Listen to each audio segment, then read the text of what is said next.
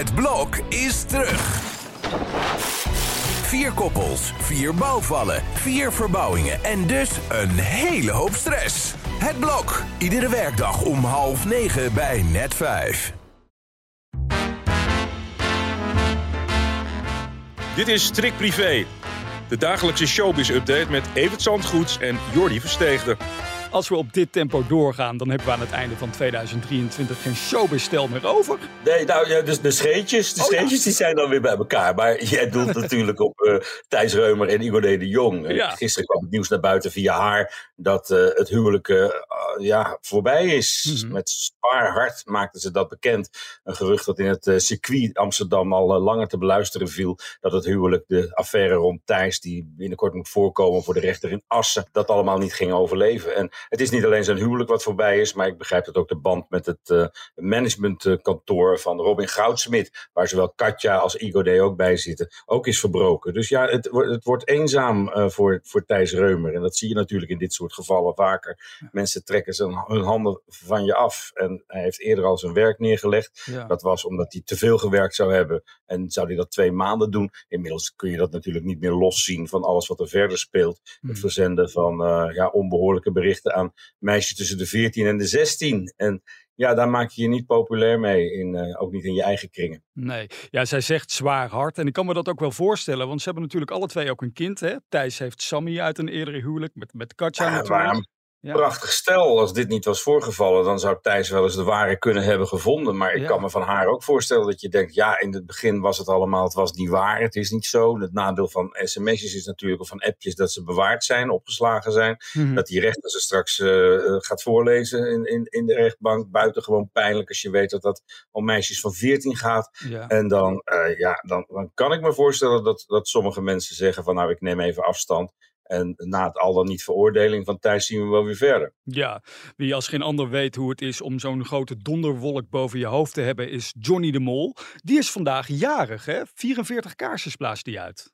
Zo, nou, dat is een eh, felicitatie waard. Ja, het is erg stil rond Johnny. Mensen hadden gedacht dat eh, toen die zaak niet doorging, dat hij wel weer snel terug zou zijn. Maar Mhm. ja, ik begrijp toch wel uit zijn omgeving dat het eh, heel erg eh, bij hem aangekomen is. Dat hij zich lange tijd gegijzeld heeft gevoeld. En ik kan me ook voorstellen dat als zo'n zaak speelt, dat dat je de hele dag bezighoudt. Van het moment dat je 's morgens je ogen open doet tot 's avonds dat je naar bed gaat. Mhm. En die periode, ja, die moet hij zo snel mogelijk achter zich zien te laten. Maar dat gaat niet vanzelf. En dat gaat ook niet door elke dag op tv in een talkshow te gaan zitten. Waar dit soort onderwerpen natuurlijk schering en inslag zijn op dit moment. Ja. En waar je dan eh, moeilijk eh, leiding aan het gesprek kan, kan geven. Toch zou hij dat op de een of andere manier moeten doen. Mhm. Een streep eronder zetten en doorgaan. Als hij wil doorgaan.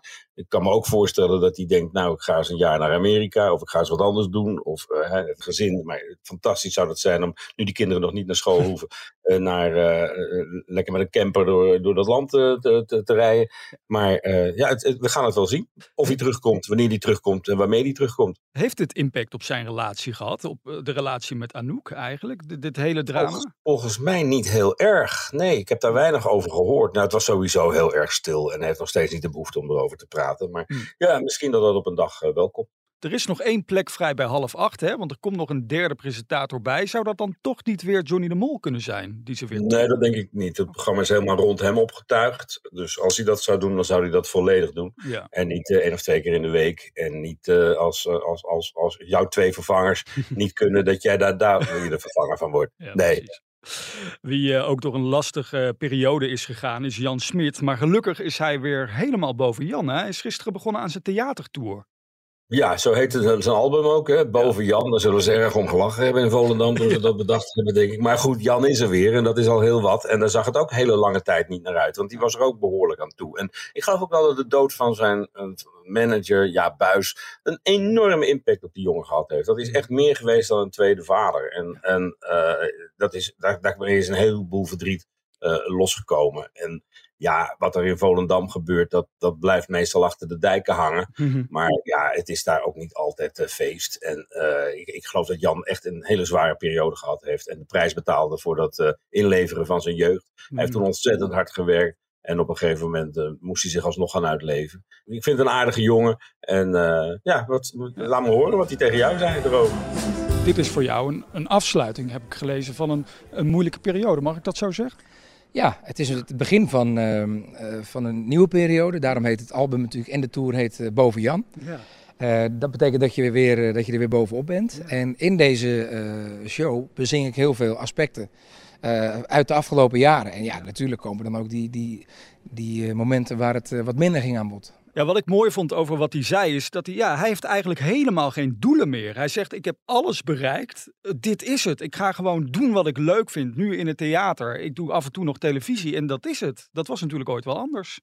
Dat was wel anders. En eh, ja, het is natuurlijk een volledig uit de hand gelopen carrière geweest. Om op je elfde al een eerste nummer één hit te hebben. En dan begint het los. En dan krijg je kledinglijnen. En wat heeft hij wel niet allemaal gedaan? Ja. Een tumultueuze privéleven. Eh, er is heel veel op hem afgekomen. Het heeft langzaam weer een plekje gekregen. Maar er is veel professionele hulp aan te pas gekomen. In Spanje heeft hij een hele tijd gezeten. En dat hij de, de boel nu weer op de rit heeft. En boven Jan is. Dat is alleen maar eh, toe te juichen. En op telegraaf.nl zie je ook nog wat hij zei over het stoppen van Nick en Simon. Ja, we gaan naar de ene helft van een ander legendarisch duo. Bas van Toor, beter bekend natuurlijk als Bassie. Het gaat niet zo goed met hem, hè? Nee, hij is eh, aan het eind van zijn Latijn, geloof ik wel. Hij vertelde, eh, Adriaan vertelde dat hij alleen zijn rechterhand nog is verlamd. Kan alleen zijn rechterhand nog eh, gebruiken. En in shownieuws zei hij van ja, daar gebruikt hij, bedient hij de afstandsbediening mee. En dan kijkt hij heel veel naar oude opnamen van Bassie en Adriaan. Oh. En waar jullie dan om lachen, om alles wat jullie te zien krijgen, lachen wij om alle verhalen van achter de schermen. Want ja, daar is ook wel het een en ander voorgevallen. Dus ja, het is een bijzondere man geweest altijd. Nou, wordt 80 dit jaar, begreep ik. En eh, ja, ik had hem meer onbezorgde oude dag gegund dan dat hij heeft. Want ja, de broers liggen behoorlijk in de lappenmand. Allebei. Ja, heel verdrietig. Maar er is gelukkig één lichtpuntje voor, voor Bassie en Adriaan. Want zo blijven we ze natuurlijk noemen. Want Mart Hoogkamer die is er vandoor gegaan met een van hun grootste, grote hits, kunnen we wel zeggen. Nou, in Spanje. En als je de, de clip ziet van Mart Hoogkamer, er zijn kosten nog moeite gespaard om daar weer een enorme hit van te maken. Ja, Ja. Ik vind het op zich wel geestig dat je dan als nieuwe single na die enorme eh, knoepen van een hit van eh Bacardi Lemon gewoon met een liedje van Bassie en Adriaan durft te komen. Maar er kosten nog moeite gespaard, dat zeg ik. De clip ziet er geweldig uit. Ik geloof wel dat ze de eerste dag meteen zijn gaan draaien, want al die jongens op het strand. Ja, in Spanje schijnt altijd de zon. Nou, nog niet op die jongens, want die zijn in en in wit die daar eh, over het strand lopen. Maar het mag allemaal de pret niet drukken. En het is een heel vrolijk nummer. En als je het nu gaat draaien, weet ik zeker dat je de rest van je dag in je hoofd hebt. Spanje, in Spanje schijnt altijd de zon. In Spanje, in Spanje, in Spanje. Je ligt de hele dag op je balkon. Nou, het zou mooi zijn als dit nog een keer een mooie grote hit wordt, toch? Nou ja, ja, ja. Maar het zit dan wel de hele dag in je hoofd. Ik moet er niet aan denken. In Spanje, in Spanje. Ja. Nou ja, wij eindigen met eh, ja, waar we eigenlijk gisteren mee begonnen zijn met de podcast. Jij was bij het feest van Dries Roelvink. Ben Kramer trad daarop en die had een mooi nummer, hè? Nou, die heeft een, een prachtig nummer van Frank Sinatra vertaald voor, eh, voor Dries, voor zijn grote vriend eh, Dries. Dries ziet eh, Ben altijd als zijn grote voorbeeld, als de man die ervoor gezorgd heeft dat, dat hij de muziek inging. Nou, Ben, hartelijk dank nog. en het was een fantastisch feest in Amsterdam, waar Ben dat uit zijn hoofd voordroeg. It was a very good year, zo zingt Frank Sinatra het.